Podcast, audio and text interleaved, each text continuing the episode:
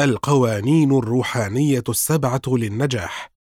الدليل العلمي لتحقيق أحلامك. لديباك تشوبرا. خمس وثلاثون مرة متتالية. هو عدد المرات التي كسر فيها سيرجي بوبكا الرقم القياسي للوثب بالزانة ما جعله يستحق عن جدارة لقب أسطورة ألعاب القوى على مر التاريخ. وحيث إن نجاح بوبكا لم يكن نجاحا اعتياديا قط فقد انشغل خبراء الرياضة في تحليل كيف حصل ذلك. حقق سيرجي هذا النجاح الباهر لسبب بسيط وهو أنه صب كل تركيزه على قدراته الذاتية فحسب ولم يلتفت للعوامل الخارجية مثل آراء الجماهير أو تقييم النقاد.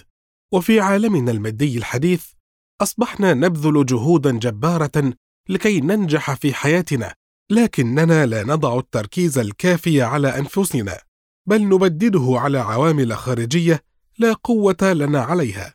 أليس الأجدر أن نضع تركيزنا على ما يمكننا التحكم به وتطويره وهو ذواتنا؟ وفي كتاب القوانين الروحانية السبعة للنجاح شرح شيق لأساليب استغلال ذاتك في الوصول للنجاح المنشود. فهيا بنا نتعرف على هذه القوانين عبر الفناجين التالية. الفنجان الأول. القانون الأول. استدع الطاقة الكامنة بداخلك ولا تهتم بالعالم الخارجي. هل سمعت من قبل عبارات التشجيع التي تدعوك لتحفيز إرادتك لبلوغ هدفك أو تحقيق إنجاز ما؟ إن تلك الإرادة التي تستدعيها هي الطاقة الكامنة بداخلك وهذه الطاقة هي نفسك الحقيقية التي لا تشوبها شائبة أو هي قوتك الحقيقية التي تمتلكها بالفعل ولا تؤثر عليها العوامل الخارجية. المطلوب منك إذن أن تركز على ذاتك الحقيقية وتتخطى كل ما يجعلك تحت رحمة الآخرين وألا تجعل خبراتك تتأثر بمؤثرات العالم الخارجي. يتطلب منك هذا أن تتجاهل ردات فعل الآخرين تجاهك. فهذا الترقب هو نوع من الخوف السلبي وهو من المشاعر التي تجعلك تلهث دائما نحو السيطرة على عالمك الخارجي. بذلك يمكنك أن تتعرف على نفسك الحقيقية وعلى قدراتك الذاتية الثابتة التي لا تزول ابدا. ولا تتأثر بالعالم الخارجي. والسؤال المهم الذي لا بد أن تطرحه على نفسك هو كيف تتعرف على طاقتك الكامنة؟ والجواب هو أن تتدرب كل يوم على الصمت والتأمل. يقول الفيلسوف والشاعر النمساوي فرانز كافكا أنت لست بحاجة إلى مغادرة غرفتك ابق جالسا إلى طاولتك واستمع. أنت لا تحتاج حتى إلى الاستماع. بكل بساطة انتظر. أنت لا تحتاج حتى إلى الانتظار. تعلم فقط أن تصبح هادئا وساكنا ووحيدا. وعندئذ سيقدم العالم نفسه لك. إنه سوف يتقلب مسرورا وصاغرا أمامك. وكلما ازدادت هيمنتك على طبيعتك الحقيقية أكثر وأكثر ازداد تلقائيا تلقيك افكارا خلاقة لأن حقل الطاقة الكامنة المحضة هو أيضا حقل الإبداع غير المحدود والفكر والمعرفة الخالصين. الفنجان الثاني. القانون الثاني. أكثر من العطاء دون أن تفكر في الأخذ. سيمنحك هذا الكثير من السعادة. تقول الحكمة الشهيرة ما استحق أن يولد من عاش لنفسه فقط.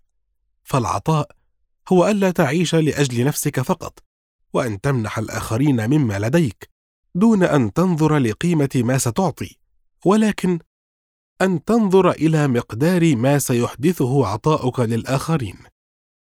قانون العطاء يعلمنا أن نعطي دون أن نفكر في الأخذ فهذا سيمنحنا الفرح والسعادة.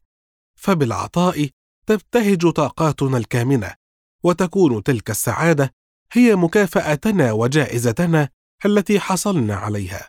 إذا أردت أن تفرح فامنح الآخرين فرحا. وإذا أردت أن تحب فتعلم كيف تحب الآخرين. وإذا أردت أن تحصل على اهتمام الناس وتقديرهم لك فتعلم كيف تهتم بالآخرين وتقدرهم. وإذا أردت ثروة مادية فساعد الآخرين على أن يصبحوا أثرياء ماديا. في الحقيقة إن أسهل طريقة لتحصل على ما تريد هي مساعدة الآخرين في الحصول على ما يريدون. لذا حاول أن تساعد الآخرين بكل ما تستطيع من قوة ليحصلوا على ما يريدون. ستجد أنك تحصل على ما تريد أيضا. ولا تنتظر أن تحصل على شيء في المقابل. دع الأشياء تحدث وحدها. وسوف تتفاجأ من كم ما تأخذه لاحقا. ولا يهتم قانون العطاء بحجم ما تعطيه. فلا تحقر من الأشياء التي تمنحها. فبإمكانك أن تعطي الدعوة الصادقة للآخرين بظهر الغيب وأن تمنح دعوات الخير لهم. أو أن تمنح زهرة واحدة وأن تمنح المدح الصادق بلا مقابل. أنت ثري تملك الكثير وتستطيع أن تعطي دائما. فعطاؤك المعنوي للآخرين يجب ألا يتوقف. وبهذا فأنت تعمل على نشر السعادة والفرح. الفنجان الثالث. القانون الثالث. لا تنتظر نتيجة فورية من أفعالك فما تزرعه ستحصده عاجلا أم اجلا. الحياة تشبه الاختبار الذي تخوضه ولا تعرف نتيجته إلا في وقت لاحق فليس شرطا أن تقف فورا على نتيجة كل فعل تقوم به أو أن تجني ثماره فورا بل إن جل أفعالك لا تظهر آثارها إلا فيما بعد. أنت تواجه عددا من الاحتمالات في كل خطوة من حياتك وعليك أن تختار بين هذه الاحتمالات. وبعد فترة من الزمن قليلة أو طويلة تظهر نتيجة قراراتك تلك وتنعكس على واقعك. لذلك افعل الخير ولا تنتظر من ذلك نتيجة فورية وستجد واقعك يتغير نتيجة للخير الذي فعلته. كذلك كن واعيا بكل خيار يتم منحه لك حتى تستطيع اتخاذ القرار الصحيح الذي قد يغير من حياتك كلها. وعندما تتخذ أي قرار يمكنك أن تسأل نفسك سؤالين. اولا ما النتائج التي تترتب على هذا الخيار أو القرار؟ وثانيا هل سيسعدك هذا الخيار الذي اتخذته الآن؟ ويدخل أيضا السعادة على الآخرين من حولك؟ الفنجان الرابع. القانون الرابع. كن كالطبيعة. وافعل كل شيء جميل بسهولة وبساطة. هل ترى تلك الأشجار كيف تنمو فقط ببذرة؟ إن تلك البذرة تنمو بكل سهولة ويسر وتحاط برعاية من الطبيعة. ليس هنالك أي جهد من أجل نموها بل هي تنمو هكذا إلى أن تصبح تلك الشجرة الظليلة. إن الطبيعة تعمل وتصنع كل هذا الجمال بعفوية. وتعلمك أن عليك أن تؤمن أن بداخلك أيضا تلك القدرة التي تجعلك تحصل على كل شيء جميل بكل بساطة. فقط كف عن بذل الجهد من أجل السيطرة على الآخرين أو خداعهم أو الأخذ من أموالهم. ركز طاقتك حول ذاتك الحقيقية وابتعد كل البعد عن إهدارها في شؤون الآخرين. حاول أن تتقبل الآخرين كما هم. واقبل الأحداث التي تحدث في حياتك كما هي. واستمتع بحاضرك كما هو. وكف عن إهدار طاقتك في حماية وجهات نظرك والدفاع عنها. فإن معظم طاقاتنا تهدر في ذلك. فلو تخلينا عن ذلك فإن حدثين رائعين واستثنائيين سيحدثان لنا. اولا سوف نحرر طاقاتنا من محاولات متعبة للحفاظ على وهم عظمتنا ومجدنا. وثانيا سوف نزود أنفسنا بما يكفي من الطاقة لنبصر عظمة الكون الفعلية كما هي.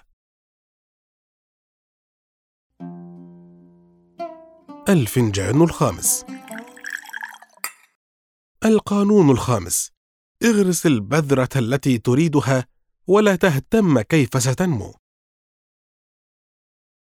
هل تعرف كائنا في هذا الكون يتعلم ويخطط لمستقبله كما يفعل الإنسان؟ بالطبع لا. فالإنسان هو الكائن الوحيد الذي يمتلك القدرة على التخطيط الدقيق والإعداد لمستقبله وإبداع أفكار مبتكرة لكل خطوة مستقبلية. فأنت إذن كائن متميز ومن المؤكد أنك تشعر بذلك. فأنت تمتلك القدرة على توليد رغبات وتوجيهها نحو هدف مستقبلي محدد وذلك هو ما يعرف بالقصد. ولقد خلقت مميزا بجهاز عصبي مبدع لكي تكون على وعي ودراية بما تمتلك من طاقة ومعلومات. وتستطيع من خلال هذا القصد الواعي أن تغير محتوى تلك الطاقات والمعلومات. لا بد أن تكون واعيا بما تهتم به وتركز عليه لأن كل شيء تهتم به في حاضرك فأنت تحثه على الظهور بقوة كبيرة في مستقبلك. أما ما تتجاهله فإنه سرعان ما سيختفي من حياتك. اذا فالحاضر هو الطريق للمستقبل. فإن كنت ترنو لمستقبل مشرق فعليك أن تركز على حاضرك وأن تدرب نفسك على وعي اللحظة. فالماضي هو مجرد ذكريات وأفكار قديمة والمستقبل لم يحن وقته بعد. ولكن الحاضر هو واقعك الحقيقي وما تراه عيناك هو الموجود الذي يمثل الزمان والمكان وكل شيء بالنسبة لك. إن من أساسيات عملية القصد ألا تهتم بكيفية تحقيق أهدافك وأن تترك للكون تفاصيل ما تريده لواقعك وكل ما عليك أن تحدد أهدافك وتراجعها وتعتني بها وألا تجعلها تغيب عن ناظريك. ولا تهتم ابدا كيف ستحققها. أنت عليك فقط أن تنوي اغرس البذرة ولا تشغل بالك كيف ستنمو. الفنجان السادس. القانون السادس. انفصالك عن رموز الحياة يعني زيادة ارتباطك بنفسك. لكي تحصل على أي شيء في الكون فعليك اولا أن تتخلى عن ارتباطك بهذا الشيء وتعلقك به. وهذا لا يعني التخلي عن قصدك وعزمك على تكوين رغبتك. هذا ما يسمى قانون الانفصال وهدفه ألا تكف عن قصدك أو عن رغبتك بل أن تكف عن ارتباطك بنتيجة ذلك القصد وتلك الرغبة. إنه عمل شديد الفعالية. عظيم الأثر. فإن ارتباطك بالنتيجة المستقبلية لأفعالك يرتكز على الخوف وعدم الأمان بينما يرتكز الانفصال على مبدأ التركيز بقدرة نفسك الحقيقية. فنفسك هي مصدر وعيك وكل ما حولك لا يزيد عن كونه رموزا للحياة. السيارات والبيوت والثياب والنقود كلها مجرد رموز وارتباطك بها ينبع عن فقر في الوعي.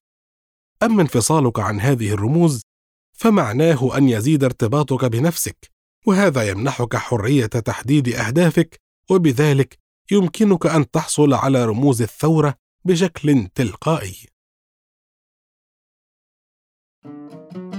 الفنجان السابع. القانون السابع. اعرف موهبتك الحقيقية واخدم الإنسانية من خلالها. الموهبة هي أكثر ما يميز كل إنسان عن غيره فهذا موهوب في الكتابة وذاك موهوب في كرة القدم وآخر موهوب في عزف الموسيقى وغير ذلك من المواهب. والموهبة الفريدة هي تلك الموهبة التي تمتلكها أنت ولا يمتلكها أي أحد آخر غيرك. وعندما تتعرف على تلك الموهبة وتختبرها في الواقع فإنها ستفتح لك افاقا لا حد لها من الثروة والنجاح. لذا لا تحاول ابدا أن تبحث عن الثروة خارج دائرة موهبتك الفريدة.